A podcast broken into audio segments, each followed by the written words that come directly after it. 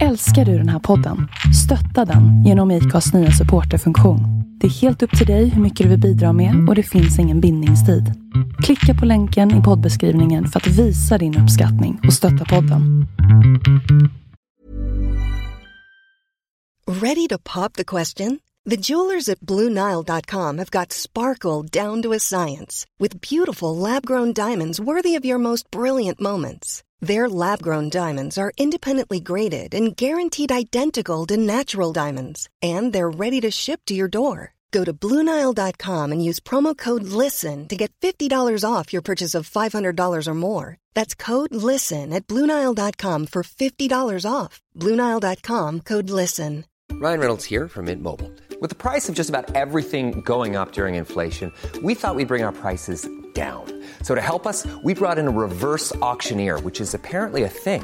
Mint Mobile unlimited premium wireless. Ready to get 30, 30, bit to get 30, bit to get 20, 20, 20, bit to get 20, 20, bit to get 15, 15, 15, 15 just 15 bucks a month. So, Give it a try at mintmobile.com slash switch. $45 up front for three months plus taxes and fees. Promo rate for new customers for limited time. Unlimited more than 40 gigabytes per month. Slows. Full terms at mintmobile.com. Everyone knows therapy is great for solving problems, but getting therapy has its own problems too, like finding the right therapist, fitting into their schedule, and of course, the cost. Well, BetterHelp can solve those problems. It's totally online and built around your schedule. It's surprisingly affordable too. Connect with a credentialed therapist by phone, video, or online chat, all from the comfort of your home. Visit betterhelp.com to learn more and save 10% on your first month. That's BetterHelp, H E L P. Hej och varmt välkomna till ett nytt avsnitt av två låtar och en kändis. Denna gång befinner jag mig i den klassiska bruksorten Degerfors som ju fostrat en mängd stora fotbollsprofiler genom åren. Eller vad sägs om Gunnar Nordahl, Skjorta Bergström, Ralf Edström, Sven-Göran Eriksson, Tord Grip, Ola Toivonen, Olof Mellberg, Ulf Ottosson och givetvis med många flera. Och idag har jag det stora nöjet att få presentera en äkta stor Degerfors-profil som under sin karriär även kom att bli en profil i klubbar som AIK och portugisiska Belenenses men som alltid troget kommit hem till sitt älskade Degerfors. Kära lyssnare, låt mig nu i sedvanlig ordning och med största stolthet och respekt välkomna Degerforsonen Leif Olsson. Tack så mycket Anders. Det var ett tag sedan. Det var ett tag Det sedan. var ett tag sedan ja. Men du var ju här i, i helgen när vi mötte Göteborg så att eh, då var det här att andas lite, lite skön luft i alla fall. Mm, och det var ju en ganska behaglig resa hem till Göteborg efter den tillställningen. Det trodde man ju kanske inte riktigt innan. Vad menar du med behaglig? Ja visst, du, du är göteborgare. Just Ja, vi det, vann det. ju. Nej, det var en av de tyngsta förlusterna på, på många år måste jag säga. Det var otroligt viktig match och eh, vi hade chansen egentligen att punktera Göteborg. Eh, sju poäng före. Så att, eh, men en poäng har vi varit supernöjda med. Jag tyckte vi var förtjänta av en poäng. Men så är det inte ibland. Utan, eh, sån är fotbollen. Vi torskar och eh, eh vi krigar vidare. Men är fortfarande före Göteborg. Mm. Det som jag tänker på när man kommer hit till Degerfors och Stora Valla och även oavsett om det är IFK Göteborg som är här och gästar eller oavsett vilket lag så är det ändå en viss anda som nästan går att ta på när man kommer in här i Degerfors och inte minst då på Stora Valla. Ja men så är det Man kan ju... Man är, jag är ju från Degerfors så att man blir ju lite hemmablind ibland. Men man får ju höra av många andra och vi vet ju själva att vad fotbollen betyder för orten. Vi är en eh, liten ort, eh, bor kanske 7000 i eh, samhälle här då. Så att, eh, och så kollar man mot Göteborg, det är över 6000 på matchen. Vi tar in, vi tar in 5 och 9. Men jag tror att det var lite över, lite över 6 ändå. Så att det betyder oerhört mycket. Både för orten men ändå även runt. Det är många som reser hit och kollar för att få känna den här eh, familjära stämningen som är på Stora Valla med alla tält och loger och eh, man blir väl emottagen. Eh, så att det får vi ofta höra. Så att det är vi stolta över. Mm, och det kan jag om någon intyga faktiskt.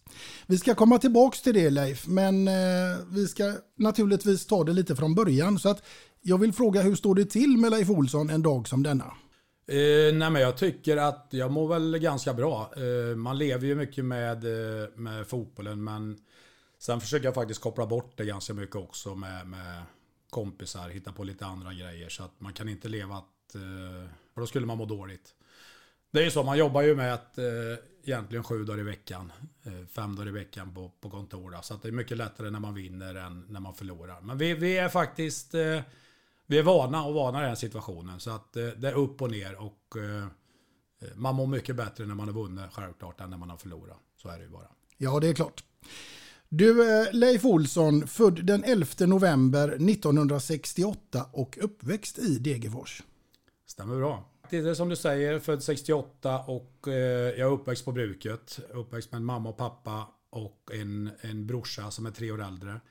En fotbollsfamilj, i alla fall pappa, eh, brorsan och jag. Mamma, hon servade oss mest. Kanske inte så fotbollsintresserad men eh, var på matcher. Kan inte så mycket om det kanske men hon, eh, hon var med på sidan. Så att jag har haft en mycket bra uppväxt måste jag säga. Sen är det ju så att det, det är ju fotboll från när man föds egentligen. Det fanns inte så mycket annat utan fotboll är sporten i Degerfors. Så att, och med pappa spela, brorsan spela så vart det ju, baksidan vart ju fotboll i stort sett varje dag.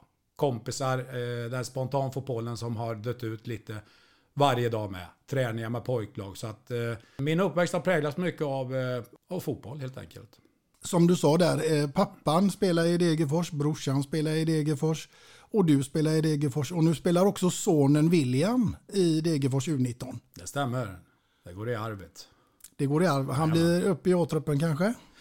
Ja, men det får vi hoppas. De, han spelar i P19-laget och uh, tog studenten här i somras. Uh, så att uh, vi har ju en akademi och han är med i, i äldsta akademilaget. Så att han har alla förutsättningar att, att komma upp. Mm. Men än så länge så är det pappa Leif som faktiskt har, är den mest meriterade i familjen Olsson. Ja, det, kan, det är väl så. Pappa var ju... Jag tror jag har några mer matcher i, i Degerfors än, än, än pappa då. Men eh, nu var ju han... Han spelade på den tiden. Man fick ju aldrig se han spela. Han, han var ju född 31 och eh, var med på den första storhetstiden med Tord Grip, Skjorta Bergström, eh, Olle Åhlund och de här. Så att, eh, eh, men jag tror jag har lite mer matcher än han och även utanför Degerfors också. Då. Ja, som vi ska komma in på. Ja. Du, jag tänker att den här podden den handlar ju till stor del om ämnet musik som är ett ämne som jag hävdar berör oss alla människor på ett eller annat sätt. Hur, hur berör musiken dig Leif? Musik har alltid varit en, eh, en stor del av mitt liv. Inte så att man har spelat... Jag önskar att jag kunde sjunga, önskar att jag kunde spela gitarr. Det har jag sagt i alla år, att jag ska gå gitarrkurs och eh, än är det inte för sent. Då. Men eh, jag har alltid varit intresserad av musik. När vi var små, eh, brorsan också intresserad av musik. Tracks-listan, man spelade in på band, man lånade skivor av varann. Eh, mamma och pappa spelade ja, typ krangåva låtar med Viken. Så att hela tiden, jag är uppväxt med musik och jag har alltid haft musik eh, i mitt liv. Jag tycker om det. Mm. Eh, den, den liten pulshöjare, det tycker jag. Definitivt, och jag tänker inte minst Sven-Ingvar som har nu är från Värmland. Ja, ja, ja, men det är klart. De är ju, de är ju superbra. Till och med från, från Grums, då, i närheten av Grums är de där. Så att, eh, de, har ju, de har ju många goda låtar. Så att eh, de är, de är stolta över i Värmland. Mm. Så är det. Du, vad är då egentligen ditt absolut första minne till musik som du kan komma ihåg från en sån där riktigt tidig ålder? Min mamma köpte alltid Vikingarna. Krangova låtarna 1 till 40 eller vad det nu kan vara. Det var 1, 2, 3, 4, 5. Det kommer jag ihåg. Det spelas för jämnan. Kan man älska någon på avstånd? Ja, det skiljer många mil. Mellan mig och den jag älskar. Flera timmar med min bil. Sen kommer jag ihåg att eh, jag och brorsan vi alltid väntar på den här trackslistan på eh, på lördagen och var beredd att, att, att trycka på, på räck och spela in låtar och man var förbannad när det varit eh, reklam och när de pratar i låtarna man varit ju vansinnig vet så att, eh, Men det är väl mycket sådana minnen och att man åkte eh, vi hade kom, jag hade några äldre kompisar, följde med brorsan till, till en som heter Lars också då, som var extremt intresserad. Han köpte allt gjorde han och han hade utrustning. Han hade på den tiden med, med stereoapparater som var lite, det var lyx för oss alltså. Vi tyckte det var skitkul att hänga med, med framförallt äldre. Men nu fick låna skivor och ta med hem och, och, och spela in. Så att det var mer sådana minnen som man har. Mm. Och då tänker jag att då ska jag ju fråga dig om du kommer ihåg vilken som var den första plattan som du köpte för egna pengar? Första plattan? Jag vet ju vad jag hade för idoler och vad jag köpte. Jag var ju väldigt svag för, för Gary Moore. Jag vet att jag köpte alla hans skivor. Men eh, jag vet att jag köpte en platta. eh, Dr Hook hette de. Jag kommer ihåg ett grönt omslag med tärningar på. Och jag tror han hette Sometimes You Win.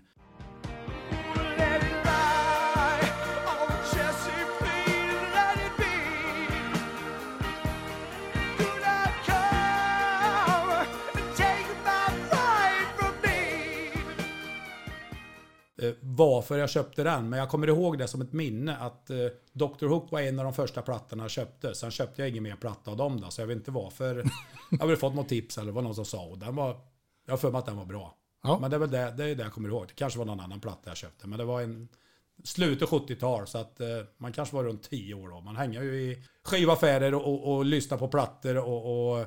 Sen om man fick lite pengar över, de kostar ju ganska mycket ändå, det är vinylplattorna. Så att... Eh, Fan, det är ju stenåldern när vi pratar. fan, fan vad gamla vi är.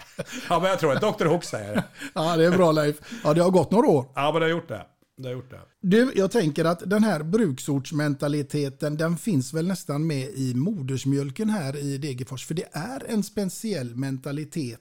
Ja, men det är klart att det är bruksmentalitet och framförallt när det är en sån här liten ort som Degerfors med, med bruket och fotbollen som, de är, som är de stora, stora grejerna här. Och är man inte fotbollsspelare, det är inte så att eh, de flesta gillar fotboll, men det finns ju faktiskt folk som absolut inte gillar fotboll. Och då kan det ju bli att lite det här med jantelagen, man ska inte sticka ut och man ska inte tro att man är någonting bara för att man spelar fotboll. Så att det är klart att det, det, det finns ju.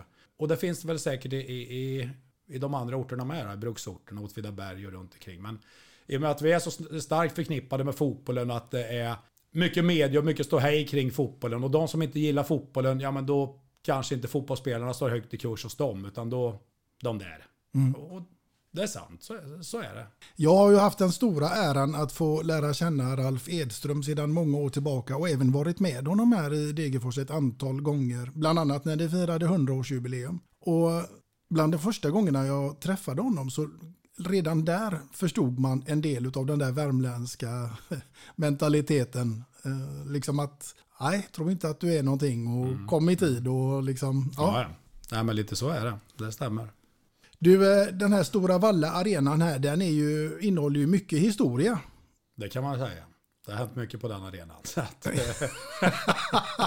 ja, det har det gjort. Ja. Många klassiska matcher och händelser, så är det ju. Så att, eh, Ja, och jag tänker ju att du, eh, du har ju säkert ett par minnen, men jag har framförallt ett minne från ett derby då som är mellan Degerfors och Örebro här på Stora Valla. Jag tror det kan vara 1993 va? jaha.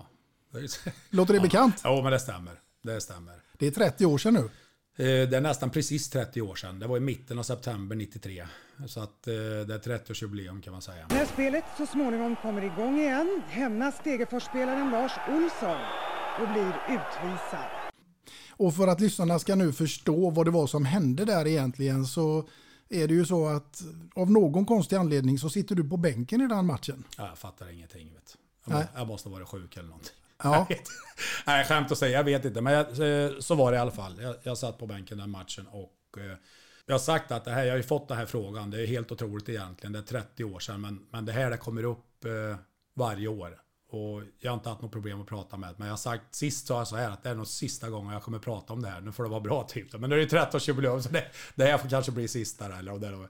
Men det var en, eh, om vi ska ta lite historia, det var en speciell stämning mellan Örebro och Degerfors då. I vårt lag så var det kanske 90% Degerforsare. I Örebro var det kanske 70, 80, 90% Örebroare. Så då kan man snacka rivalitet. Och då var det ju, om vi ska prata hat eh, inom, inom fotbollen så var det riktigt hatderby var det. Plus att eh, det var en allsvensk match och båda låg väldigt pyrt till. Eh, och i slutändan vart det båda fick kvala också. Kvala sig kvar. De mot Vasalund och vi mot Hässleholm. Då. Men matchen var... Eh, det vart, det vart redan från början. Det var alltså krig och det var glåpord och det var egentligen från, från minut ett. Och eh, på läktaren, det var, inte, det, det var inte bättre där utan de var helt galna på läktaren. Så att det var ju eh, lynchstämning nästan från, från första minuten. Så att eh, hela tiden, och det vart ju värre och värre och värre och värre ju längre matchen blev, eh, led och det var 0-0. Och sen vart det ju den här händelsen som eh, gjorde att det, det sprack totalt. Då. Det var ju en duell mellan eh, Ulf Ottosson och Lars Zetterlund och eh, eh, som vi hävdar så är det ju en, en eh, duell som Zetterlund går in för på Ottosson. Och båda benpiporna går, går av på Ottosson. Då. Så att eh, där försvann ju lite av hans karriär. Då. Och där eh, just då och där var det ju eh, kaos både på läktaren, på plan. Det var ett långt avbrott och eh, jag kommer ihåg i halvlek, det här var innan eh, det här hände. Så satt ju alltså gubbarna, jag känner ju igen de som satt på gubbarna. De var rätt lugna normalt. Det var pensionärer och satt med käppar. I halvlek när Örebroarna och domaren gick in igen så stod de och slog med käppen gjorde de så här. Slog mot dem. Så att det var ju alltså hett redan början och du kan ju tänka dig när när benet blev avsparkat på Ottosson som var eh, våran stjärna i laget då, då. Och så skulle vi möta Parma två veckor efter. Och jag hade ju suttit och jagat upp mig på, på bänken ganska rejält kan jag säga. Man hade hört glåpord. Jag gillar verkligen inte Örebro och eh, jag ville bara in. Jag ville bara in. Men nu kom jag in på det här sättet med... Så det sista jag hörde, jag var ju, jag var ju övertänd redan på bänken när jag skulle in. Och det sista jag hörde från gubbarna på läktaren var in och döda Olsson, skrek de. Ja, gamla gubbar. In och döda Olsson. Så att eh, jag, var ju, jag var ju helt... Jag var i en annan bubbla när jag kom in. Och jag fick ju läge på Zetterlund direkt och eh, då fick han känna mina dobbar i, i låret. Och jag fick rött. Så att, eh, du var, var, inte på plan så länge? Jag tror jag var på plan i, en och en halv, två minuter eller någonting. Eh, så att eh, det var bara att gå in, givetvis att eh, jag skämmas ju som en hund just då. Eh, gick in, eh, tittade ner i marken, duscha, tog eh, genväg genom bastun och åkte hem och la mig i sängen och lyssnade på radio de sista 20 minuterna. Så att jag hörde ju när, när Örebro kvitterade i hundrade minuter, det var typ 10 eller 11 övertidsminuter. Slynar Stefansson trycker in efter en hörna 1-1.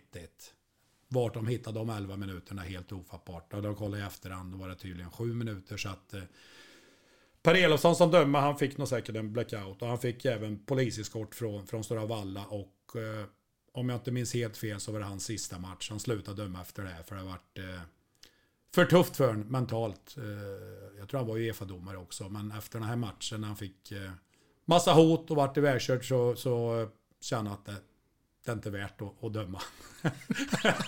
Nej men det, det var en Ja, men sen jag kan säga att om vi pratar dagen efter. Ja, det är klart att man skäms när man gör en sån där grej. Och eh, jag ville inte gå ner eh, dagen efter på stan. Jag hade inte en aning om hur det, hur det skulle tas emot. Vi var ju alltid på stan på Märta och fika, jag Ottosson och Henke och Ivan och, och allihopa. Och jag kommer ihåg att Henke och det ringa till mig. Fika, nej jag, jag, jag kommer inte ner så jag kommer ner direkt till träningen. Så. Nej, jag kommer, jag kommer upp och hämta. Så vi gick ner och, och, och fika. Och möttes av kramar av gamla människor. Tobak sa tack Olsson, det här gjorde. Det var precis som man hade gjort ett hattrick. Eh, så var det. Så att eh, det, det var positivt ändå. Då, så att, eh, nej, det är en, eh, en klassisk match. Så är det. Det får man lov att säga. Ja. Men du, om vi bortser ifrån just eh, det här derbyt, även om det är så att eh, det är lätt att minnas en sådan händelse såklart, så gjorde du ju många andra fina insatser också i både Degerfors-tröjan men även i, i många andra tröjor håller jag på att säga. Men du tog ju dig från Degerfors till AIK så småningom. Mm. På den tiden var det ju, det var inte så ofta att det var övergångar på den tiden. Nu är det, nu är det mer vanligt. Så att eh, vi var ju ett gäng Degerforsare på, vi hade ett riktigt, riktigt bra lag i division 2. Men många bohemer. Vi tränade, vi tyckte det var kul, det var två lag. Vi tog inte så allvar på det. Men vi var ett jäkligt bra lag. Och vi fick väl ögonen på oss där med. Så att jag fick väl, jag vet inte hur det kom till i alla fall, men eh, jag fick en förfrågan av vad Sanny Åslund ville ha upp mig till, till AIK på provträning. Så jag var uppe och provtränade först eh, innan det vart kontrakt och eh, innan jag bestämde mig också då. För, för just då var det ett riktigt, riktigt stort steg. I och med att det inte var som vanligt. Man var hemmakär, man hade alla sina kompisar där hemma och eh, jag tvekade länge även när jag fick eh, avtalet. Då. Så att, eh, ja. Ja, det kan jag tänka mig. Ett stort steg att gå från lilla Degerfors till Sveriges huvudstad och eh, AIK med sin publik. Ja, men på den tiden var det så. Nu är det inte samma sak, men på den tiden var det faktiskt så. Och det som jag vägde in lite då, ska man flytta hemifrån, eh, morsan, farsan, alla kompisar, eh, fotbollslaget som vi har, och så flyttade upp till Stockholm. Då, var det, då tyckte man, oh, wow, Stockholm, flyttade upp. Men det, det som underlättade lite att jag hade en eh, farbror som bodde där uppe. Eh, jag hade eh, två, två kompisar, bra kompisar även idag. Urban och Ola hette de som hade flyttat upp några år innan. Så jag känner att jag har ju bekanta där uppe från Degerfors. Så att det var en del av anledningen varför jag flyttade upp. Och självklart att man ville spela allsvensk fotboll. Och sen när jag kom upp det första gången. Man har framförallt då varit förutfattande mer med, med Stock. Men jag kom in hur bra som helst. Det hände lite, Bosse har säkert berättat lite incidenter hur man kom upp i sin Ford Escort med tärningar och, och, och rattmuff och allt. Så jag kom ganska bra in direkt där med, med den jargongen. De, tyck, de tyckte det var, jag tyckte det var hur cool som helst när jag kom upp där. Men det, det förstår jag efterhand att det var jag inte. jag, sa till, jag sa även första gången jag skulle upp sa jag till, till Sanny Åslund som sa att eh, ja men då syns vi vid Råsunda. Sa jag. Jag, jag, sa, jag åker inte längre än Kungens Kurva, sa jag. Någon får hämta mig det, sa jag. Jag åker inte längre, sa jag. Så att han trodde jag skämtade. Men han kom faktiskt och hämtade mig vid Kungens Kurva och, och lotsade in mig till, eh, till Råsunda. Då. Ja, gjorde det ja? Ja, ja, jag vågade inte åka in, till, åka in till stan där inte. Jag sa att jag åker inte längre. Sista milen måste jag ha hjälp, så. Och det fanns det var ingen GPS då eller någonting. Utan, lite bonnigt. Men så var det då. Så var det då. Men hur var karriären annars i AIK? Det var väldigt blandad eh, måste jag säga. Första året eh, när man kommer från division 2 i Degerfors så, så var det lite försiktigt med speltid i början. Men första året gick bra eh, tycker jag. När jag väl kom in i, i laget. Men då tampas man med Vadim Jevtusjenko och Göran Göransson som också var inne i mitt fält som var en gammal räv. Det var inte lätt att peta dem. Utan Eh, Niklas Kindvall spelade också lite i mitten där. Men sen när man väl kom in så spelade jag ganska många matcher och det, det, det gick bra. Jag anser att jag gjorde ett bra första år tycker jag. Eh, andra året hände det lite grejer. Vi, Sanne fick gå, Tommy Söderberg kom in.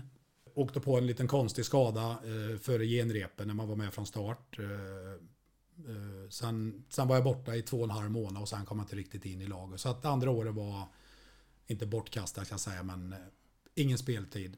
Så att jag var lite frysboxen Så att, eh, bra första, mindre bra andra. Men trivas bra i Stockholm och eh, riktigt roligt lag att spela i bara. Bra killar. Mm. Och sen så småningom så, så blir du ju dessutom professionell fotbollsspelare. Eh, ja, jag hann ju med Kiruna däremellan. Och eh, efter AIK så flyttade vi upp till Kiruna, jag och Per Heinemann, en kompis. Och eh, den tiden vill jag heller inte glömma. Det är en grej som jag tar med mig faktiskt. Jag tänker tillbaka, jag har många vänner kvar där än. Som jag håller kontakten med och även otroligt många minnen från den tiden. Så att även om det var, och då var Kiruna, alltså det var det, det året som eh, egentligen, jag, kollar man Kirunas historia så tror jag att det året pratar de om mest. Det hände väldigt mycket, vi spelade i typ Superettan. Då, det var en helt annan serie, men vi mötte Hammarby, Vasalund och de här lagen. Men vi fick även en friplats i, i Inter Toto Cup. Eh, den här kuppen de allsvenska lagen egentligen inte ville vara med på. För att det tog eh, för mycket tid på sommaren. Så vi fick en friplats. Och då var vi där med... Eh, vi, tve, vi tog den platsen och vi var ju med, med respektive och hela spelartruppen. Kombinerat semester samtidigt som vi spelade ute i Europa. Vi hade en tio dagars turné i, i Budapest, Wien, i Danmark var vi också. Och spelade matcher där i Europacupspel. Och det var, det var riktigt kul. Och även de hemmamatcherna när de lagen kom till Kiruna så fick de ju en chock. Jag tror att de pratar om det även, även i år. När Bratislava som var en storklubb även då eh, på den tiden. Eh, man såg deras kravlista och det här var ju 92 talar om. Deras mm. kravlista när de kom till Kiruna vad de, vad de krävde med mat och eh, hotell och allting. Och så hade vi Lombia där uppe som vi inte fick spela på. Det var ju konstgräs. Och våra närmaste gräsplan var ju Gällivare 11, 11 mil därifrån. Så du kan ju tänka dig när Bratislava kommer in med spelarbussen där och åker de här krokiga vägarna. Det renar på vägen, det är hur mycket mygg som helst, ingen läktare. Och då står du här vad, tror, vad fan är det där? Mitt på plan stod det en ren och beta vet du. Så du kan ju tänka dig vad de, eh, det pratar de om än idag. Så att det hände väldigt mycket uppe i Kiruna samtidigt som det var naturen och eh, upplevelsen och hur, hur folket där uppe tog emot oss. För de var ju inte vana med att få någon från AIK eller någon från KB som pinnen var ifrån eh, då. Utan de var ju vana att få från Norrland, Polen, Ryssland eller vad det nu var. Så att de tog hand om oss på ett sätt som eh, jag aldrig kommer glömma. Så att det året uppskattar jag väldigt mycket. Kul. Jättekul. Men som sagt var, du hamnade till slut i Portugal. Ja, det gjorde jag. Det gjorde jag. Ifrån? Från Degerfors. Så att det var ju 97, 97, 98. Eller ett år var det väl, knappt ett år. Så att jag, samma sak där, man åkte dit och eh, provtränade innan man fick kontrakt. Då.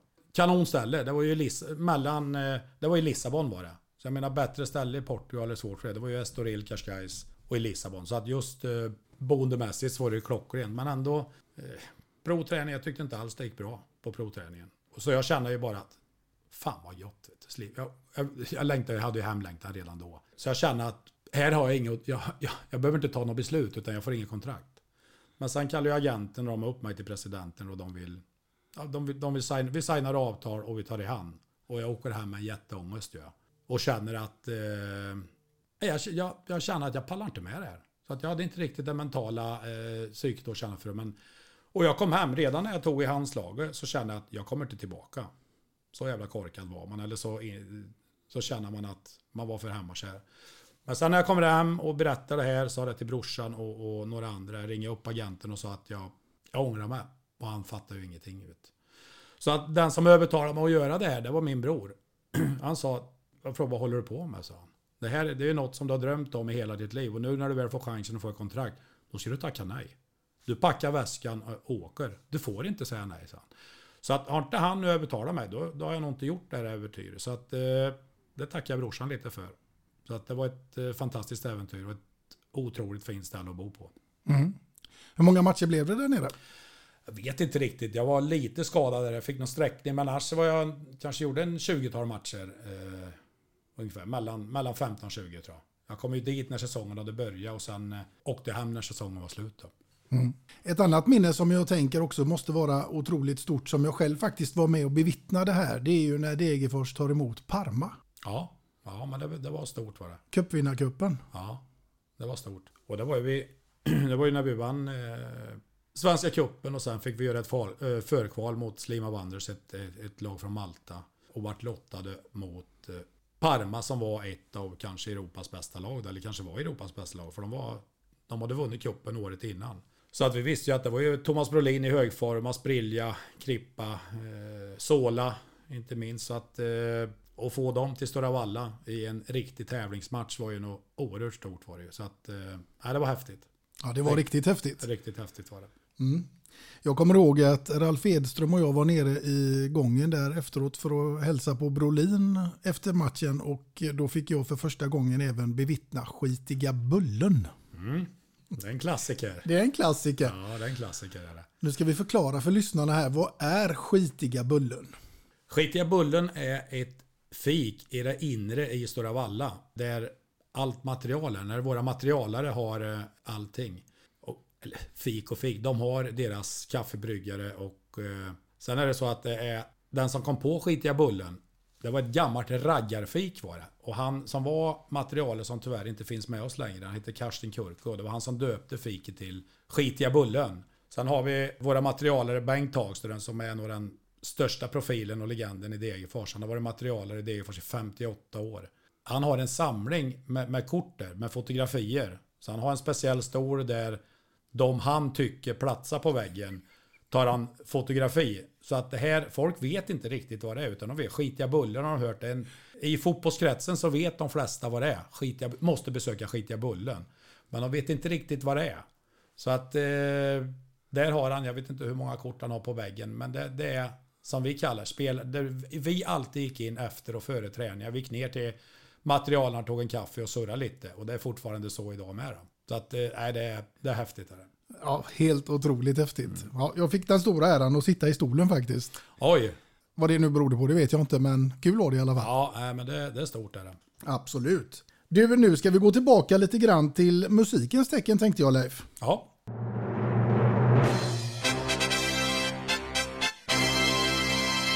Eller nej, det skulle vi inte för där kom signalen för fem snabba till Leif Olsson. Har du fått fem snabba förut någon gång? Nej, det tror jag inte. Nej. Är det, är det fem snabba frågor? Ja, inte öl. Nej, nej, jag tänkte jag var tvungen att fråga vad det, vad det handlar om. Hade frågor alltså? Det är frågor så du. Ja, men det är bra. Nej, men det har jag, nog, det har jag inte fått. Det är första gången. Ja, är du beredd då? Det tror jag. Jag hoppas det. Vi provar. Ja, prova. Vara bäst bland de sämsta eller sämst bland de bästa? Nej, men då tar jag nog sämst bland de, säm, eh, bland de bästa. Eh, man vill ju vara med de bästa, så är det ju. Så att, eh, det får man ta på sig den rollen då. Klokt val. Gå i Örebros matchtröja dygnet runt i en månad här i Degerfors eller medverka i Naked Attraction? Åh herregud, vilken jävla fråga. Ja, ja det, är både, det är total, det är ju skräck båda två.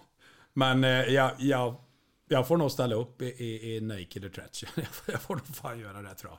Jag klarar inte att gå en hel månad här i, i Degerfors. Då kommer jag inte leva. Nej. Jag, jag vill, då väljer jag hellre att leva. Säger jag. Och då får jag ta det andra. Ja, så då får vi se Leif i Naked Attraction. Det Nej, det härligt. tror jag inte.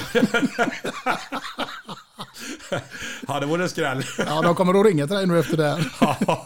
Nej tack. Ja. Du, fråga tre lyder. En vecka med Leif och Billy eller en vecka med Ove Sundberg i Solsidan? Nej, men det är ju Leif och Billy är en av mina favoriter. Leif Öhman är ju en, det är en legend där. Jag var ju Sörbäckens största talang en gång i tiden. Visste du det? Ronaldinho of the North kallar de mig. Ja, det är sån jävla bra teknik. Lite snyggare tänder kanske än han, men samma teknik. De ska ut på turné och det kan jag säga, det kommer jag inte missa här på Cirkus i, i, i Stockholm. Så Leif och Billy, alla Leif- dagar i veckan. Ja, ja. Härligt. Du, fråga fyra är lite mer eh, vanskligare. Så får, nu får nu en del av lyssnare hålla för öronen här. Är du redo? Oj, jag vet inte, får höra. Ja. Jag tänker att du kanske har lite erfarenhet. Vi får se. Du, då lyder den så här. Vakna upp utan kläder bredvid en okänd dam som säger det skulle du tänkt på tidigare efter en blöt kväll med grabbarna. Eller parkeringsböter i en månad. Oj, vilken rysare. Vilken och parkeringsböter i... Jag åkte på en parkeringsbot i Stockholm, kostar 1300 spänn. 1300 spänn, det- får anta att det är parkeringsböter i Degerfors, det kanske ligger på 400-500 spänn då. Ja, men det är ändå Vad in- 15 000. Men, ja, det är 15 000 är det vet. Uh, vad snygg den här tjejen är. Det sa du inte. Ja, det vet man ju aldrig. Det vet man ju aldrig där det är. Nej, men jag, jag får faktiskt... Det är ju, man mår ju dåligt att höra det. Det var ingen lätt fråga. Jag tar p-bot. Du tar p-bot. Ja, jag, jag gör det. Ja, det- Tråk, Tråkigt, men det, jag får göra det. Ja, det gjorde du inte när vi var i Hagfors för en år sedan. Ja, herregud. Ja, vi går vidare. Ja, vi går vidare.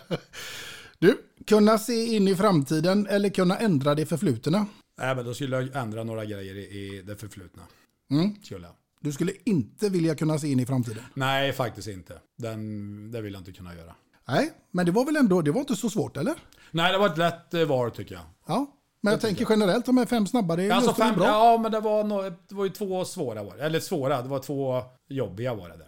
Men jag tyckte jag svarade ganska bra på det ändå. Ja, ja, jag tyckte du levererade. Ja, det, ja, det är bra. Ja, det är bra Ja, Leffe. det är bra. Du, eh, vi ska faktiskt gå vidare i både fantasin och musikens tecken. Därför att nu är det så här Leif, att du ska få åka till en öde ö. Och där ska du få vara i ett helt år. Du får bara ta med dig en enda platta dit. Och då undrar jag, vilken blir det? En platta, får man tänka, på en öde ö. Den var inte lätt heller. Nej. Men, eh, ja, tänk vad lyssnar jag på nu? Alltså jag lyssnar ju på så mycket blandad musik. Det är allt från topplistan till eh, Williams eh, Grabbens lista, som är väldigt blandad. Gamla låtar, svenska. Eh, Sten och Stanley. Men jag, faktiskt, sista året jag lyssnat väldigt mycket på Lasse Winnerbäck. Så att eh, jag skulle nog luta mig tillbaka och ta med en, en Best of eh, Winnerbäck.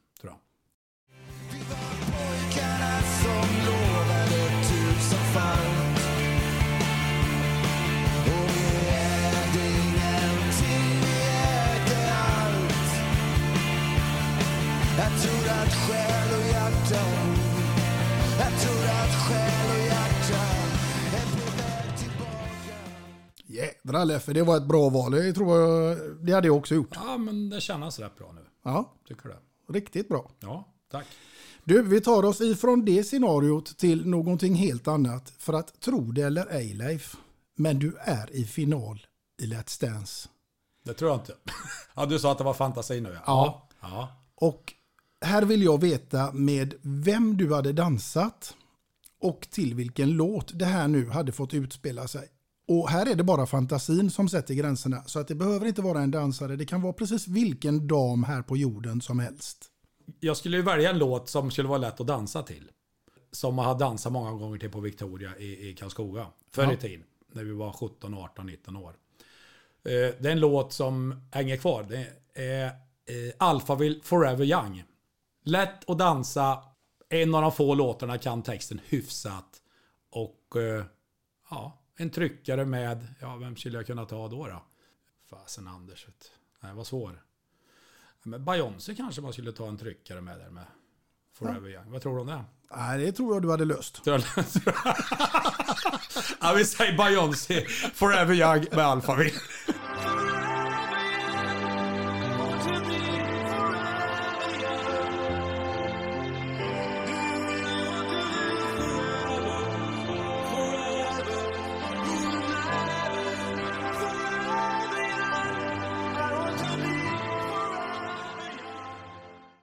I finaldansen. Fy fan. Ja, vi kör på det. Ja, jag tror Tony Irving hade gått igång på det. Nej, jag, jag ser bilder framför nu vilken fin, vilken fin dans det skulle vara. Ja, fantastisk. Ja, okej. Vi kör på det. Vi kör på det. Ja, jag kommer inte på något annat. Nej. Du, vi hoppas att du kommer på vad du ska komma på nu i alla fall. För nu tänker jag fråga dig om ditt första låtval här för dagen. Jag är grymt nyfiken på vad det skulle kunna vara och med vem och givetvis då såklart också varför. Då skulle jag faktiskt säga, eh, jag har valt en låt eh, med Tina Turner eh, som heter Simply the Best. Och varför? Eh, hon var en av de som man lyssnade på väldigt mycket förr i tiden. Man, som jag sa, mm, 80-talet eh, fanns det extremt mycket. Det var ju väldigt blandat. Men just Tina Turner och den här låten, den funkar än idag. Och jag gillar sådana här låtar, ja men typ We Are The Champions, uh, You're The Best, arena-låtar. Man kan nästan bli lite tårögd när de dras på stora arenor. Men sen är det så att uh, Simply The Best har jag som ringsignal till, till min son William när han ringer och sen även min, min mor. Så att de två har den ringsignalen. Så att när de ringer då kommer Simply The Best. Och det är precis vad jag tycker. Det är, min morsa är ja, jag säga, det finns ingen bättre. Och min son älskar över allt annat. Så att eh, den låten och eh, koppla ihop den med, med de två man älskar mest. Så var det den låten. Vilket underbart val. Ja. Av både låt och personer får jag säga. För jag har ju fått den stora äran att träffa dem båda. Ja. Stod faktiskt jämte din mamma och tittade på Blå, äh, Degerfors Blåvitt. Ja, hon var faktiskt bjuden till logen eh, när Jörgen Dunberg eh, hade den förra helgen mot Blåvitt. Hon var väldigt glad. Mm. Och du, nu tycker jag att vi tar och kör låten Simply the best. Absolut. Kör på den.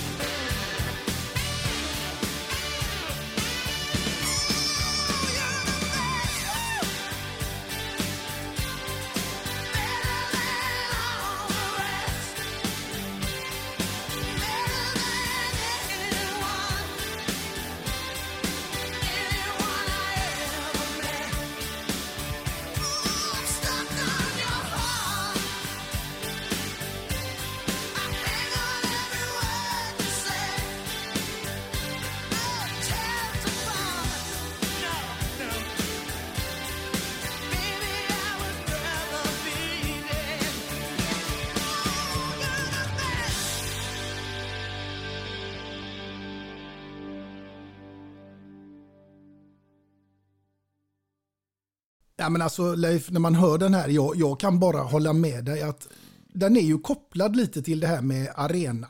Liksom uppvärmning inför en stor publik till den här låten, det är ju magiskt. Ja men det är det. Jag, jag går igång lite och det är samma sak med E-Types. Ja men de här fotbollslåtarna går jag riktigt igång på. Tina Turner, E-Type, eh, We, eh, Queen, We Are Champion, till Champions League och, och kvitta vad det är. Ja men jag, jag går igång, kan vara fester också. Så att, eh, nej jag, jag gillar de låtarna. Mm. Ja men det förstår jag verkligen.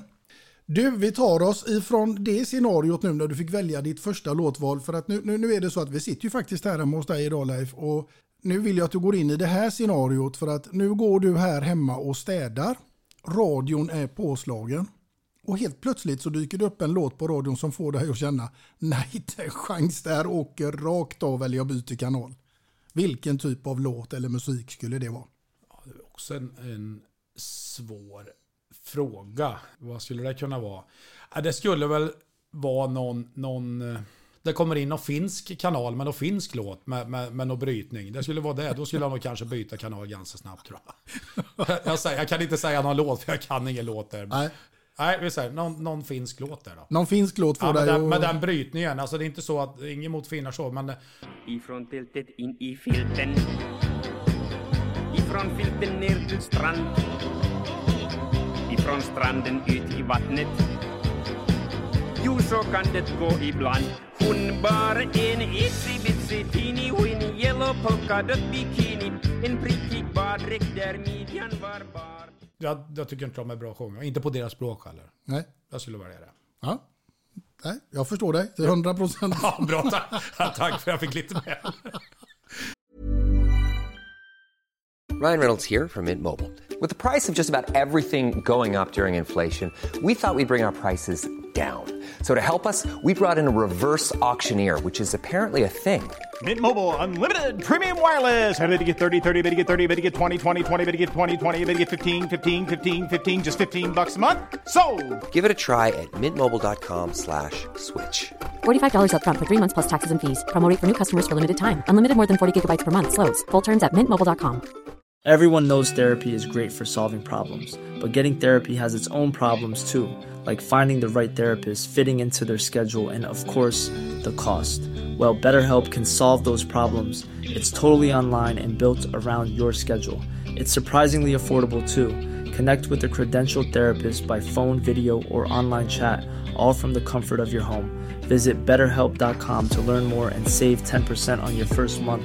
That's BetterHelp, H E L P. Wow. Nice. Yeah. What you're hearing are the sounds of people everywhere putting on Bombas socks, underwear, and t-shirts made from absurdly soft materials that feel like plush clouds. Yeah, that plush. And the best part? For every item you purchase, Bombas donates another to someone facing homelessness. Bombas. Big comfort for everyone. Go to bombas.com slash ACAST and use code ACAST for 20% off your first purchase. That's bombas.com slash ACAST. Code ACAST. Millions of people have lost weight with personalized plans from Noom. Like Evan, who can't stand salads and still lost 50 pounds. Salads generally for most people are the easy button, right? For me, that wasn't an option. I never really was a salad guy. That's just not who I am. But Noom worked for me. Get your personalized plan today at Noom.com. Real Noom user compensated to provide their story. In four weeks, the typical Noom user can expect to lose one to two pounds per week. Individual results may vary. Burrow is a furniture company known for timeless design and thoughtful construction and free shipping, and that extends to their outdoor collection. Their outdoor furniture is built to withstand the elements, featuring rust-proof stainless steel hardware, weather-ready teak, and quick-dry foam cushions. For Memorial Day, get 15% off your Burrow purchase at burrow.com slash ACAST and up to 25% off outdoor. That's up to 25% off outdoor furniture at burrow.com slash ACAST. Ja, du, eh, nu ska vi ta oss till ett intressant scenario här förstår du. För att nu är det så här Leif att du är här hemma och ska ha en middagsgäst. Det här är också bara i fantasins tecken. Det får vara precis vem som helst som du ska ha nu här som middagsgäst. Jag vill veta på vad du hade bjudit den här gästen på till middag och vilken låt som hade fått ligga där i bakgrunden till den här fantastiska middagen. För det första kan jag säga att jag är ingen större, jag är ingen mästarkock om vi säger så. Jag är inte superintresserad. Jag gillar mat, men eh, jag brukar göra ganska enkelt för mig. Eh, det ska, vara, det ska gå snabbt. Jag gillar det mesta. Men vad skulle jag bjuda på och vilken gäst? Den var inte lätt inte. Men jag skulle väl kanske, skulle ha förrätt så kanske man skulle ta en Toskagen som är supergott. Sen till eh, varmrätt. Oxfilé är gott men jag skulle, även, jag skulle kunna göra en tunnbrödsrulle med, med, med korv som jag nästan tycker är godare. Men om det ska vara lite finare. Men ta... Det ska vara på klassiskt Ja, Degerforsvis. Ja, det, det borde ju... Ja, men då ska det vara en pizza i så fall. Men eh, vi kör en, en eh, tunnbrödsrulle med två kokta korvar och räksallad. Klassiker. Som är supergott. Det blir lite konstig blandning med, med förrätt, toastkagen och sen en, Nej, jag förstår, jag ser att du sitter och kollar på vad det är, men vi, vi tar det. Det är, Ja. det är en konstig meny. Och sen efterrätt så, en skål med glass. Mm. Nej, den, den menyn är enkel och eh, svårslagen. Ja, det är världsklass. Ja. Men du, nu undrar jag, vem, vem är det som ska få ta del av den här underbara menyn? Ja, den, den var ju... Så jag kopplade ihop menyn med den som jag skulle vilja sitta och prata med. Det var också svårt var det. Men... Eh, Johan Cruyff det kanske? Johan Cruyff? Ja. Ja, det förstår jag. Eh, Ja, det vore ett, eh, lite långsökt kanske, men det eh, vore ju trevligt. Mm. Och så Vilken- och bjöd han på, på eh, mos och korv också. Vad tror du han skulle tycka om det? Jag tror han hade gillat det. Det tror jag med. Mm. Det tror jag. Vi säger det. Vilken legend. Ja, det är en riktig legend. En riktig legend. Tröja nummer? 14 givetvis. Ja, såklart. Den kunde du. Ja, ja, herregud. Var det idolen när du växte upp? Eh, en av de stora idolerna var det. Eh, så var det. Sen har man ju läst lite, lyssnat på Wembley Kings med, med Niva och han också. Så att eh, det avsnittet med Cruyff var, var intressant. Helt klart. Hans fotbollsfilosofi. Så att, nej men det, det vore någonting. Mm. Ja, det förstår jag. Nu ska vi ta oss ifrån det scenariot till någonting annat. Men återigen i musikens tecken. Därför att nu undrar jag, vem skulle då kunna få skriva sången eller visan om Leif Olsson? Svåra frågor. Får jag välja vem jag vill? Ja, alltså? Han vem- behöver inte ens vara. Det är också fantasin alltså. Ja, ja. Jag vet, vet du vem jag säger? Nej? Jag säger Jörgen Dunberg. Jörgen Dunberg? Ja, han, skulle, få- han, han skulle få eh, skriva den låten. Ja. Den texten skulle bli rolig. Ja, det betvivlar jag inte en sekund. Ja. Ja, Jörgen Dunberg, Ja, han, han- besitter lite musikalisk ådra. Ja, det, det gör han ju också. Han är, han är musikalisk. ja. Tror han lite bättre än vad. Men han, eh, han kan mycket texter och lyssnar mycket på musik. Och eh, tror till och med han kan spela lite gitarr också. Så att, eh, nej, men han får skriva den. Och till er lyssnare som inte riktigt vet vem Jörgen Dunberg är så är det ju så att han var en stor fotbollsprofil men i klubben Örebro SK. Han, ja, han, han spelar där, det stämmer. Och i Degerfors en kort period var det. Det var där jag lärde känna honom. Mm. Ja, han var med här i Degerfors. Det är så vi har lärt oss. Han spelade en halv säsong här och han, eh, som han säger själv att eh, även om han var i Örebro mycket längre, den här halva säsongen, ja, han har ju till och med köpt hus här i Degerfors. Så han säger, mer Degerfors än Örebroare. Så det säger ju allt eh, skillnad mellan Örebro och Degerfors. Mm. Så att eh, han var här 90, ja, men 90-talet när vi spelade Allsvenskan, en, en halv säsong. Och bor uppe i Stockholm. Han köpte hus i Degerfors eh, för två år sedan då. Mm. Typ som ett sommarhus då. Mm. Så det är lite kul. Jag har faktiskt ett fantastiskt minne tillsammans med dig här Leif nu när vi sitter och tittar ut genom din veranda. Jag vet inte om du kommer ihåg det? Berätta. Ja, vi var här ett gäng grabbar och käkade och hade trevligt. Jag vill minnas att Jörgen Dunberg var med. Jörgen var med. Det var du, Ralf och eh, bland annat Dunberg och jag. Det var efter en... eh, Ivan också va? Ivan var också med. Det var efter en match var det. Eh, Vi mötte Åtvidaberg och Ralf var radiopratare. Så var det ja. Så var det. Eh, vi var här efter. Det stämmer. Ja, trevligt minne. Mycket trevligt. Du, nu kommer någonting riktigt roligt här Leif. Alltså? Ja, du är väl väl bekant med eh, sagan om Snövit och de sju dvärgarna? Ja, de har man ju hört talas om. Ja. Ja, spännande. Ja, och din uppgift här nu det blir att placera ut fotbollsvänner eller kamrater som du mött under din karriär och som här passar in under respektive karaktär. Jaha. Och då är de ju sju till antalet och jag tänkte att vi skulle börja med den första här som är Kloker. Vem utav alla skulle kunna få representera Kloker, Leif? Det här blir ju heller inte så lätt. eh, Men eh, då ska vi se, Kloker. Då ska vi se på vilket sätt då någon spelare. Ja, eller vem du vill. Ja, men om vi tar, om vi, vi sätter ihop med, med spelare så Kloker, ja varför inte Tommy Molin? Som jag har spelat ihop med i, i alla år i Degerfors i stort sett. Han var tidigt mogen. Det var ett kaptensämne som vi brukar säga till en redan när han var 15-16 år har vi sagt. Vi brukar driva lite med om det. Men eh, huvudet på skaft i Degerfors så var det mycket bohemer åt andra hållet kanske.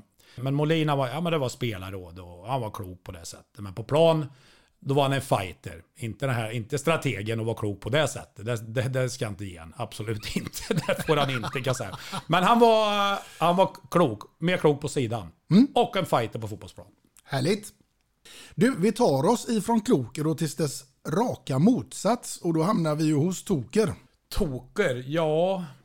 Det skulle, det skulle jag kunna nämna ganska många. Det gäller det bara att välja. Jag skulle välja en, men jag skulle, jag, jag, redan nu när du ställer frågan så har ju det bara bubblar upp tokrar i Degerfors och Kiruna och AIK. Så att eh, jag måste ju välja någon. Bosse, Ottosson. Ja, nej, men ja, jag tror jag säger, jag säger Ulf Ottosson på den. Ulf Han- Ottosson ja. får bli Toker. Ja, men det tror jag. Han, eh, för det första, vi är samma, samma kull, 68. Vi har gjort samma resa. Eh, gått i samma klass sen lekis upp. Vi har gjort samma karriär. Eh, pojklag och upp till A-lag och eh, prova. Och jag har varit med om mycket tokigt som, som han har gjort. Mycket tokigt och roligt. Så att ja, han får bli toker. Mm. Men en legend här i Degerfors och på fotbollsplan. Vilken skyttekung. Absolut. Han var fantastisk innan, innan bröt benet så var han otroligt bra. Absolut. Du, vi tar oss ifrån Toker till Trötter. Trötter. Nu tänker jag lite, om jag tänker lite i närtid och de som man umgås med nu lite. Som är ganska trött. Jag, jag kommer in igen på låtskrivaren. Jag kommer in på Jörgen Dunberg. Alltså han har jag träffat. Och det här är tack vare han. Det är, han kan somna var som helst. På, på, på fester. Det kan bara pang. Då går han i väggen. Vi kan sitta mitt i ett samtal och säga. Jag måste hem och lägga mig en timme. Så. Jag går hem och lägger mig en timme. Och det kan vara mitt i ett samtal. Och han kan somna, eh, somna i soffan, då går det till veckan. Så att han får bli trött. Han blir, han blir trött. Jörgen Dunberg får Trötter. Ja. Du, vi tar oss från Trötter till Butter då. Det finns det ju också många. Eh, butter, eh, jag, jag själv skulle kunna vara butter också. Men sån som gnäller ganska mycket. Men jag, jag tar en av mina bästa kompisar där. Det är Ivan Jurik. Jag kommer ihåg eh, förr i tiden. Vi, eh, som vi, var, vi gnäller ju alltid. Skulle vi få springa lite så var det alltid gnäll. Och Ivan var väl en av dem som gnällde mest. Och jag var näst bakom. Jag gnällde också lika mycket. Men jag, om jag inte ska välja mig själv, då väljer jag Ivan Jurik. Vi, vi gnäller alltid. Vad fan. Jävla gubbjävel skulle springa igen. Så att, ja, så att det, var, det var mycket gnäll. Men en fantastisk spelare och en fantastisk vän. Så att, eh, men han får bli, han får bli den ändå. Ja. Då tar vi oss ifrån Butter till Glader. Glader, där har man ju också träffat väldigt många. Så att det är bara att välja egentligen någon. Men man ska inte ta alla i Degerfors kanske. Finns ju i, i de andra men Glader om vi tänker på... Jag har, då sitter och funderar lite på, på AIK-gänget. Mm. Och den som jag tänker på allra först och som jag har... Som jag såg upp till väldigt mycket när jag kom. Jag var ju ung. Jag kom från division 2 och var 20-21 år. Och sitta jämte eh, Björn Kindlund. Han var ju han var en, en av de äldsta där, han och Mats Rodin. Men Björn Kindlund var, jag sa, han var lite som en pappa, men han var en av de roligaste personerna jag träffade av alla som jag mött i, i eller alla som jag har träffat. I, han var en, eh, han var en superkille. Jag älskar Björn Kindlund gjorde. Så att han var alltid glad, alltid lätta upp stämningen. Så att, eh, nej, Björn Kindlund. Björn Kindlund får den. Yes. Du, vi tar oss från Björn Kindlund och Glader till Blyger. Den är lite svårare. Jag kom på en här nu som eh, ganska anonym när han kom. Och det var i början av allsvenskan 93, 94 tror jag var. Jag vet inte om det var 94. Nej, jag vet inte, något av åren. Han heter Micke Öhrman. Kom från eh, våran lokala klubb Strömtorp som var division 4. En mittback. Sa inte speciellt mycket om, om det var blyget eller inte. Men eh, pratade inte så mycket. Men var en... Visade sig vara en fantastisk... Man tyckte det var ett stort steg att ta till allsvenskan. Man växte in i den kostymen ganska snabbt. Och eh, blev en superbra mittback. Men han, han var ganska fåordig. Eh, Så att jag säger Micke Öhrman. Mm, han får den. Han får den. Du, då tar vi oss ifrån Blyger och till Prosit. Prosit, ska det vara, ska det vara någon som är ja, ofta sjuk, gnäller mycket, skadad? Ja, passar väl bra tänker jag. Ska man inte hänga ut någon, jag kan hänga ut någon kompis från mig. Nej men om vi tar, jag vill ju köra, om vi kör fotbollens tecken här, att man går igenom lagen lite. Så att den, den var svår. Jag kommer inte riktigt på någon, någon på, vi får ta någon som har varit skadad som jag spelar med mycket. Och, och en som är lite, ja, jag säger, eh, vi har inte haft någon i Kiruna än. Nej. Och han är inte från Kiruna, men han är också en av mina bättre vänner. Han heter Per Heinemann, som vi flyttade upp till Kiruna tillsammans. Och hans första år vart spoilerat på skador. Han gick in i en närkamp med Magnus Levert i Hammarby och jag säger till han, Pinnen du kan inte gå in med en bred sida och inte ha kroppen bakom. Du kan inte vara rädd. Och där rök korsbandet. Och sen har han problem med lite ljumskar och sådana grejer. Men eh, han var inte skadad. Men Ah, han var lite gnällig. Han får bli prosit. Han får bli prosit. det är bra Leif. Du, in, in, sju karaktärer här och Bosse Andersson var inte med på någon av dem. Ja, men han, eh, han skulle platsa på en del. Han, jag var där mellan Ottosson och han på, på Toker. Så att eh, han skulle kunna vara några, några mer där. Men framförallt Toker. Det var han, han eller Otto eh, var det mellan dem. Mm. Ni kom att bli eh, vänner. Ja, det stämmer. Vi, eh, vi möttes ju, vi spelade 90-91 i AIK och vi fann varann eh, ganska omgående. Jag kommer från Lilla Degerfors och han kommer från Rö, lanthandlare. Så att eh, han bodde ju där ute, i, i, han hade ganska långt till träning. Så han bodde, jag bodde ju 100 meter från Råsunda, så han bodde ju över hos mig väldigt ofta. Så att vi, vi fann varandra ganska snabbt gjorde vi. Och eh, har kontakten än idag. Och det är det som är lite tjusningen med, med att man har varit ute. Att man, man bygger ett nätverk och man har skapat kontakter och eh, vi spelar ju ändå där 90-91. Och, och, både han och jag har gjort väldigt mycket efter men vi håller, vi håller kontakten och eh, jag är väldigt glad för. Det är en superkille på alla sätt och vis och det han har gjort för Djurgården är, är, imponerande. Jag trodde inte det då 90 för jag tyckte han, ah, ah, ganska snurrig tänkte jag så här. Ah, ah är skön är han så här. Men det han, har, det han har gjort och det han har byggt upp eh, som han är delaktig i och är en, en av de största. Eh, det är faktiskt imponerande. Det måste man ge han. Absolut. Jag var, jag var på hans 50-årskalas och då jag, vi har ju så men där kände jag ändå, det var en nivå till med de hälsningarna. Så att jag känner att eh, han har gjort något, något riktigt bra. Samtidigt som han är en, den profil. Det är kul när man när det är sådana som sticker ut lite. Det brukar vara ganska tråkiga intervjuer med fotbollsspelare och, och eh, överlag. Men han, eh, han sticker ut, han är en, han är en färgklick och det, det finns för få sådana i, i framförallt svensk fotboll. Jävligt tråkiga, mediatränade. Utan det är, det är lite kul med sådana som Bosse Edvardsson när han är förbannad till exempel. Så att, eh, mer sånt. Mm. Äh, det är en härlig karaktär Bosse. Han har ju varit med här i podden som du vet. Ja. ja. Mm. Och även gott, du är även i gott sällskap eh, med Ralf Edström som anknytning här till Degerfors. Är det någon mer vi ska komma på? Svennis såklart. Som du menar är Degerforsare? Ja.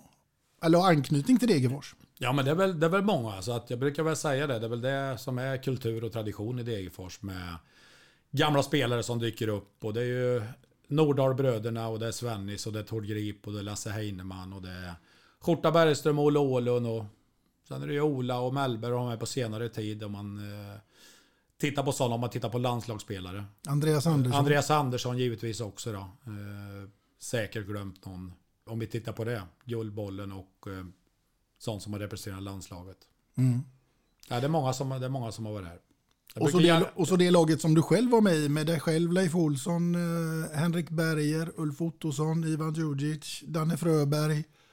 Ja, ja och, ju, framförallt, och jugoslaverna som Thomas var, Hulon Olsson.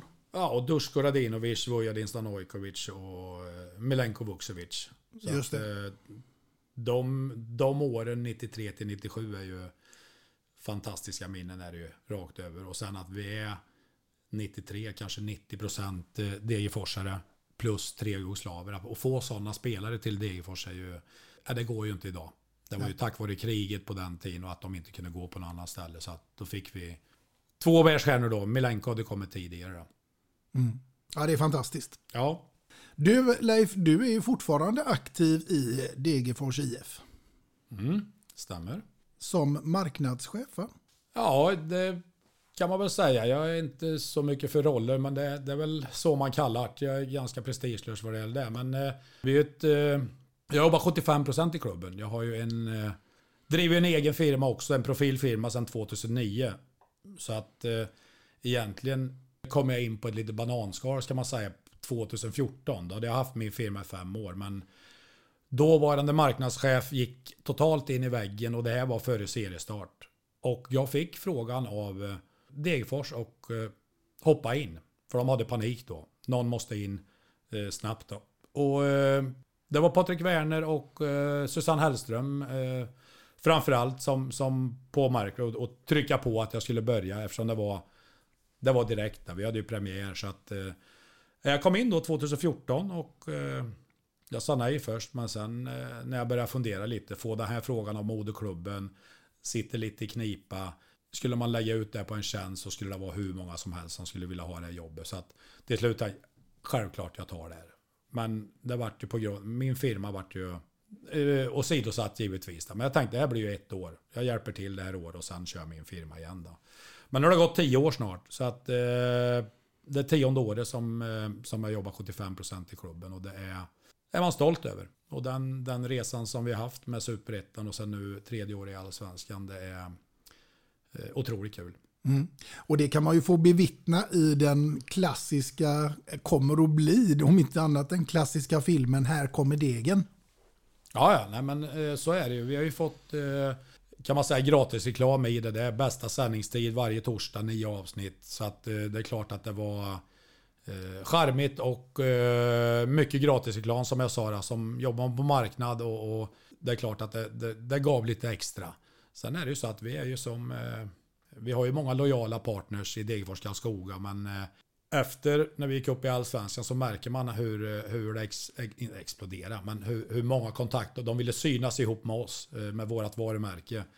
Inte det sagt att det är lätt att sälja in för det, men det vart otroligt mycket intresse från eh, runt om i landet. Så att det kan man ju kolla på vår direkt, det är inte bara lokala företag som är med, utan det är även Stockholmsföretag och, och något företag från Småland eh, som är med också. Då. Så att, eh, jag tror att Degerfors är ett, eh, eller tror, jag vet, det är ett otroligt starkt varumärke och förknippas eh, med positivitet, inte mycket negativt. Går man till storklubbarna kan det vara att de har ett rykte med supporters och sånt runt omkring.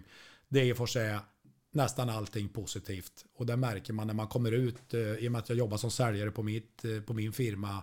Också så märker man att Degerfors, ja men det blir ett naturligt samtalsämne och eh, även när man kommer ut på marknadsträffar så är det också kan vara mycket historier om Degerfors som du pratar om och, och, och gamla spelare. Så att, eh, nej, det är kul. Mm. Det är superkul. Är det.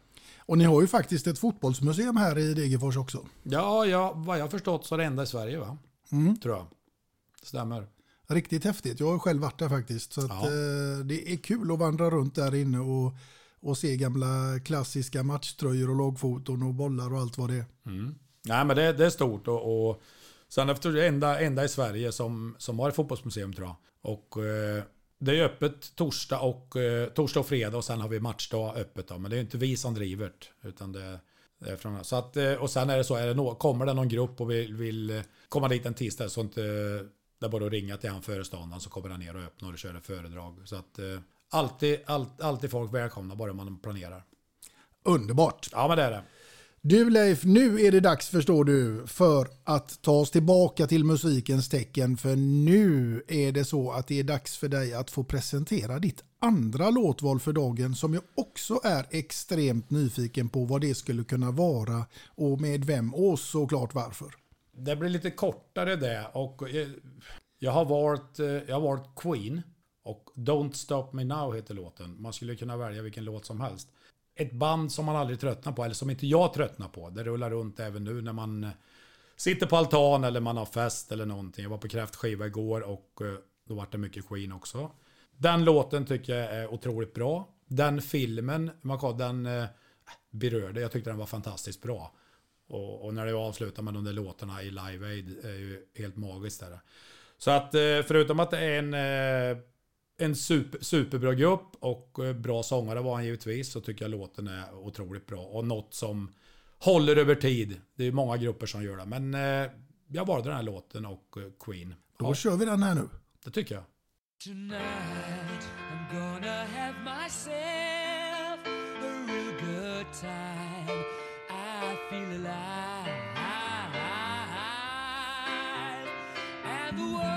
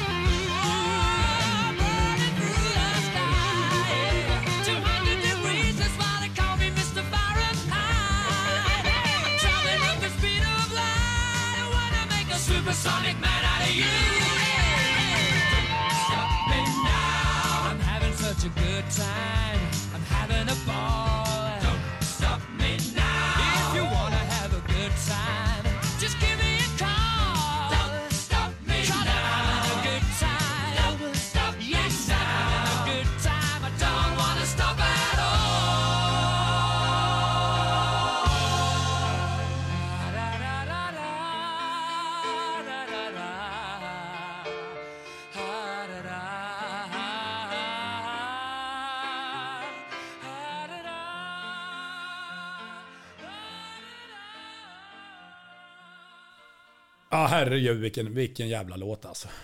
Lyssnade på den två gånger igår och sen nu idag. Man blir ju man blir på bra humör direkt. Ja. Det måste du, det kan du inte, du kan inte neka. Nej, nej, nej, Eller nej, nej, jag nekar inte. Nej, Nej. Ett, en, av, en av de bästa låtarna. Ja, den är bra i alla fall. Den är bra i alla fall. Ja, det är den. Men du gick inte igång som jag gjorde eller? Nej. Nej, Nej, okej. men eh, ja, du är ju ändå lite sliten idag här, för du var ju på fest igår. Ja, men eh, det är ingen fara nu. Nej. Det är ingen fara nu. Så att eh, man är stark. Ja, och så är det fest ikväll igen. Ja, men lite fest, lite eh, lugnare fest ikväll är det. Eh, sen åker vi faktiskt imorgon Ja, till... du skulle eh, träffa en dam ikväll va? Ja, ja. Nej, vi ska, på, vi ska på middag ikväll. Vi ska Ja. på middag ikväll. Vad heter hon då? Eh, vem då? Damen du ska träffa? Vad heter? Ja, men det, det ska du inte vara så på, på i Anders här. Släppa. Jag kan inte släppa allting här i, i podden. Nej, så att eh, det blir trevligt. Och imorgon ska vi på... Eh, vi möter Djurgården borta imorgon. Så vi ska upp och träffa Bosse imorgon. Så vi åker upp med alla funktionärer som är på, på Stora Valla. Så att vi bjuder dem på eh, en bussresa. Vi har ju många ideellt jobbande och det är väl tur det. Eh, Skulle vi inte ha dem och vi har ett pensionärsgäng som jag gärna vill nämna också. Vi hade fest för dem igår men tyvärr missade jag den festen. Men utan dem så, så skulle vi inte klara att driva runt det här. De är helt magiska. Så att, eh, det är de som har byggt allting på Valla. Vi har möte med, med var, varje torsdag vi möter och de kollar. Så att där finns det olika kvaliteter i, i, i den gruppen. 30 stycken pensionärer som kan allt från bygga till elektronik. Och, nej, de har riktigt kul och otroligt viktigt för oss att ha dem. Även de är funktionärer, det är mer som är bland annat Pinnen och Johan, två kompisar som hjälper mig vid logen. Samtidigt som de är partners. Det är det som är lite charmen hit också. Att den bronspartner som är hjälper mig i logen och, och min kompis hjälper mig i logen. Så att eh, nu är det det gänget som åker. Så att det ska bli kul. Alla hjälper alla här i Degerfors. Lite- Det måste vara så. Samtidigt som att eh, vi vill ju behålla det här familjära och det här eh, själen i, i klubben och själen i, i Stora Valla. Eh, samtidigt som vi måste givetvis eh, hänga med storklubbarna med pengar också och göra paper. Det är mer och mer regler som kommer och så är det. Så att, men vi kommer aldrig ge bort själen utan det kommer alltid finnas. Mm. Kommer ni hänga kvar i Allsvenskan i år 2023? Det kommer vi göra. Vi är ett, alltid varit ett höstlag och eh, vi, vi är vana att vara i den här situationen. Så att vi kommer klara oss. Mm. Om det blir kval eller om det blir inte eh, innan det, det, det spelar ingen roll. Hur går det för IFK Göteborg? De har ju faktiskt, eh, jag trodde faktiskt innan, när de mötte Djurgården så måste jag säga, jag tycker de har varit riktigt, riktigt kassa tycker jag de har varit eh, det här året. Men när de mötte Djurgården så rättvis seger, de var, rikt- de var bra i Göteborg.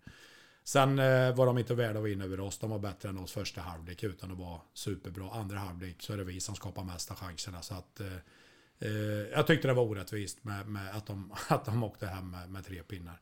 Så att, men jag tror att de klarar sig. Jag tror de klarar sig.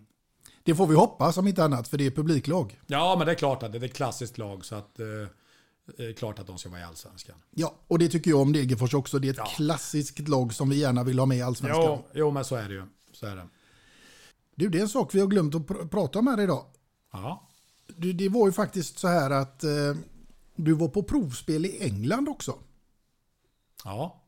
ja, det var rätt kul faktiskt. Eh, Det var faktiskt en veva som man var ute ganska mycket på en vecka, en och en halv vecka. Och det är också minne man bär med sig, även om det inte blev någonting av olika anledningar. Men vi var i Leicester och det var jag och Ivan Jurik som en av mina bästa kompisar får chansen att åka till, till Leicester som var i Premier League då. Vi var där en vecka. Jag kommer ihåg att Ivan var där två dagar före mig för jag var i, i off i Kreta en vecka innan och, och, och provtränade där. Så att jag fick besked att jag skulle flyga från, eh, från Kreta direkt till, eh, till England. Då. Så träffade jag Ivan där. Så var vi där en vecka. Och där hände det en, en... Ja, det var mycket roliga grejer som hände. Vi fick bland annat, vi var ju med på matchen upp när de mötte Newcastle på, på St. James. Slutade 3-3. Det var också en sån här klassisk match. När Allan Shearer gör tre mål och vi får med och sitta på bänken där och, och kolla. Sen hände det mycket annat på den resan som, som eh, jag, ska inte dra, jag ska inte dra allt nu, det ska jag inte göra. Eh, en del, är, en del ska man inte dra. Men det var, det var en kul vecka. Det var en kul vecka och det hände mycket, mycket grejer. Men det, det, det blev tyvärr inget, inget kontrakt. Man var ganska sliten. Vi gjorde en bra, bra första match. Eh, gjorde vi, både jag och Ivan. Men de, sen skulle vi åka hem och sen ville de ha kvar oss eh, fyra dagar till. Och vi sa att vi ville inte det då, men eh, helt korkat egentligen. Vi var det till slut, men att vi bara sa att vi inte ville vara kvar, det var, det, det var ju korkat. Så spelade vi en match till mot Aston Villa och båda var skitdåliga. Vi var riktigt jävla dåliga då. Så att, eh, det vart inget kontrakt. Jag fick erbjudande att vara kvar fem veckor till och det var inte, det pallade jag inte med. Så att vi åkte hem tillsammans. Ja Leif, du, du har dina historier.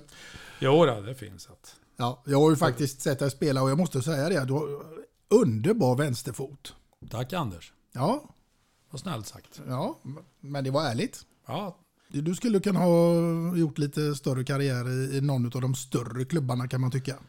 Svårt att säga. Eh, men man vet ju vad man hade för brister och så är det i efterhand är det ju lätt, ja men det är som alla pratar om, man vet ju fasen att man inte gjorde si och att man inte gjorde så. Så att jag vet vad jag, vad jag gjorde för fel, men det visste man inte på den tiden kanske. Eller man, men det är klart att går, går man tillbaka tiden och eh, det är klart att man skulle göra några grejer annorlunda och man det känner jag också ibland att man kanske, även om man är nöjd med, med, med karriären, med, med allt som man har provat på, men eh, känner man också att eh, man hade lite mer att ge om man hade varit lite mer seriös Mm. och tagit lite mer på allvar. Så är det.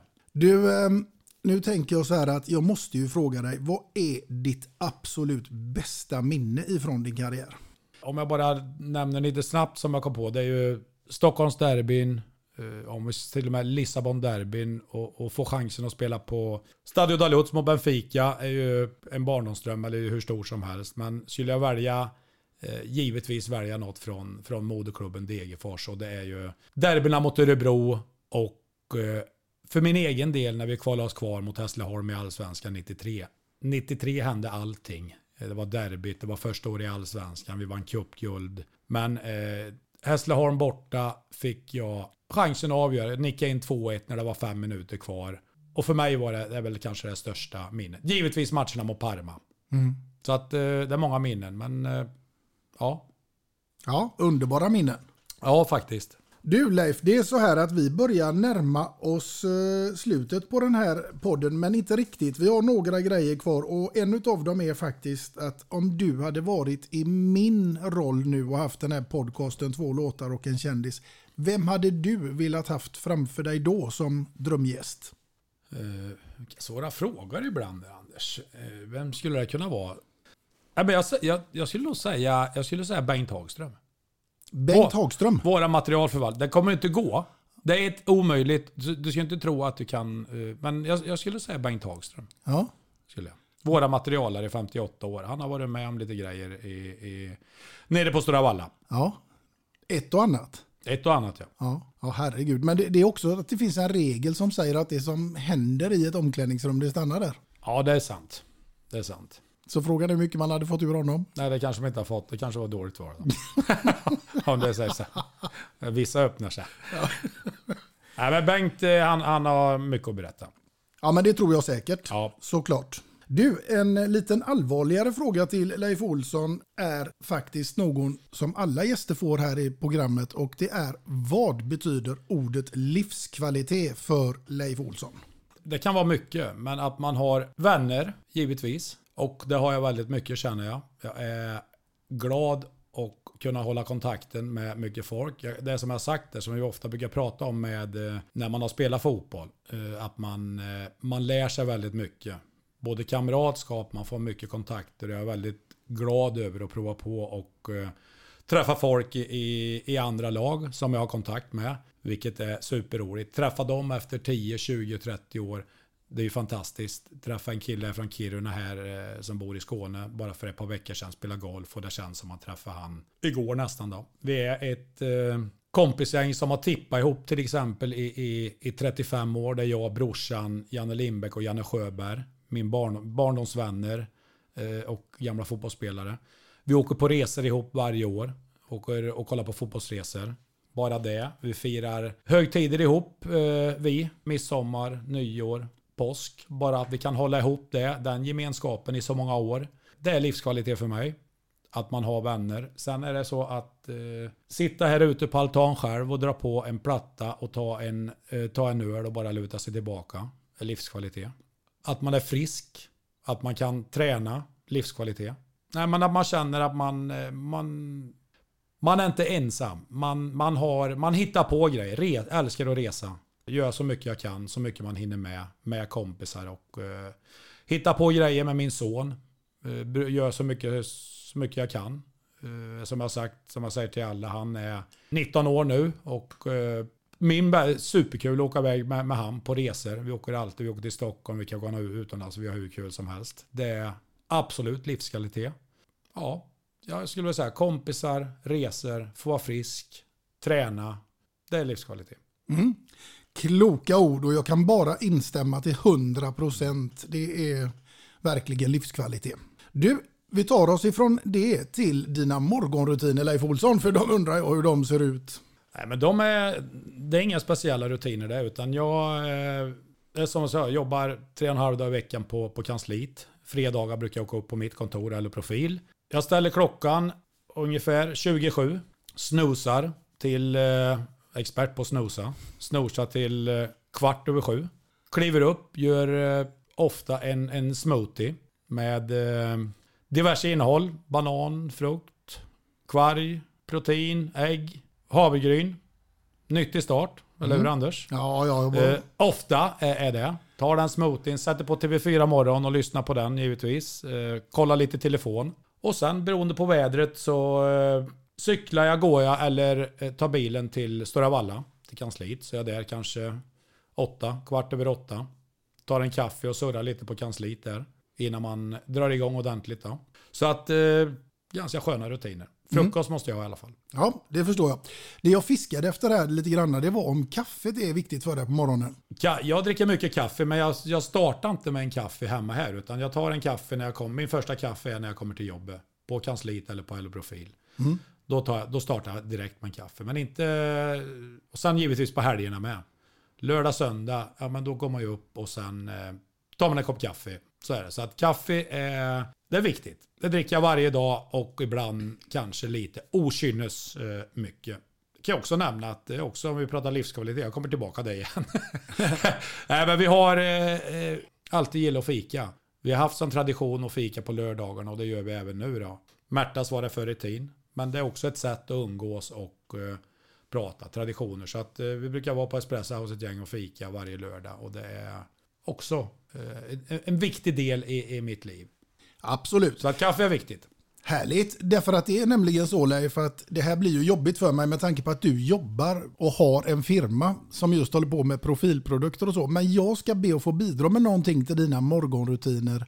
Och det är ingen kvarg eller någonting nu utan det blir en kaffemugg med två låtar och en kändis som givetvis vi ska tacka Peter Bärkroth för på Bäst i Väst i Göteborg som gör den här otroligt fräcka muggen som jag ska räcka över till Leif Olsson här nu alldeles strax. Och det ska bli intressant att höra vad, vad man får för omdöme om denna produkt. Ja, trevligt.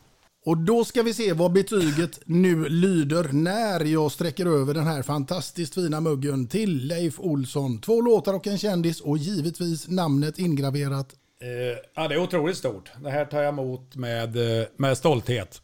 Så att eh, jag har inget att anmärka. Jag tycker att det är ett eh, snyggt tryck och eh, transfertryck, eller tampotryck, vet du det? Nej. nej eh, tack så mycket Anders, det var, eh, den var fin. Den, Mm. kommer jag, den kommer jag använda. Det hoppas jag verkligen och att du behåller som ett eh, fint minne ifrån denna stund. Därför att det var otroligt trevligt att få komma hem till dig här idag Leif och prata Degerfors och fotboll. Tack, nöjet var på min sida. Och till er kära lyssnare så hoppas jag ju självklart att ni finns med i nästa avsnitt och vem som sitter framför mig då, ja det återstår ännu att se. Men tills dess, ha det gott allihopa. Hej då! Hej hej!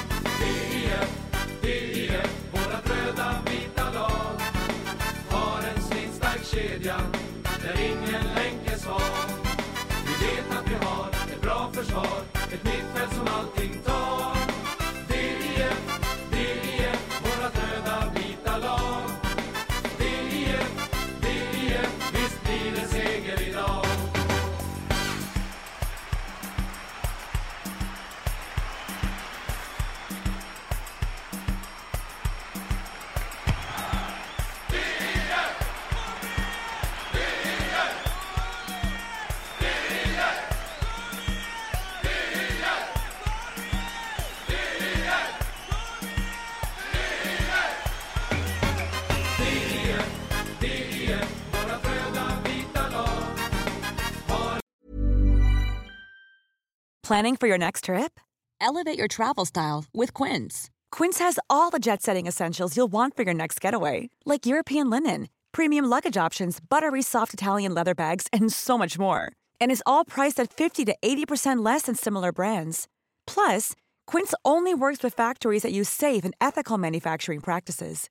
Pack your bags with high-quality essentials you'll be wearing for vacations to come with Quince. Go to quince.com slash pack for free shipping and 365-day returns. Confidence starts with loving who you are. And when your skin feels nourished and glows on the outside, you naturally radiate confidence from the inside. Give your skin a glow up with Osea's clinically proven Mega Moisture Duo. This ultra hydrating body care features two of Osea's best sellers, Undaria Algae Body Oil and Undaria Collagen Body Lotion. These seaweed powered heroes use skincare level ingredients normally reserved for your face for results you can see and confidence you can feel. Osea has been making clean, clinically proven seaweed infused face and body care products for over 28 years. This luxurious skincare is vegan, cruelty free, and climate neutral certified, so you never have to choose between your values and your best skin. Glow from the inside out. Get 10% off your first order with code GLOW at OseaMalibu.com. That's O S E A Malibu.com code GLOW.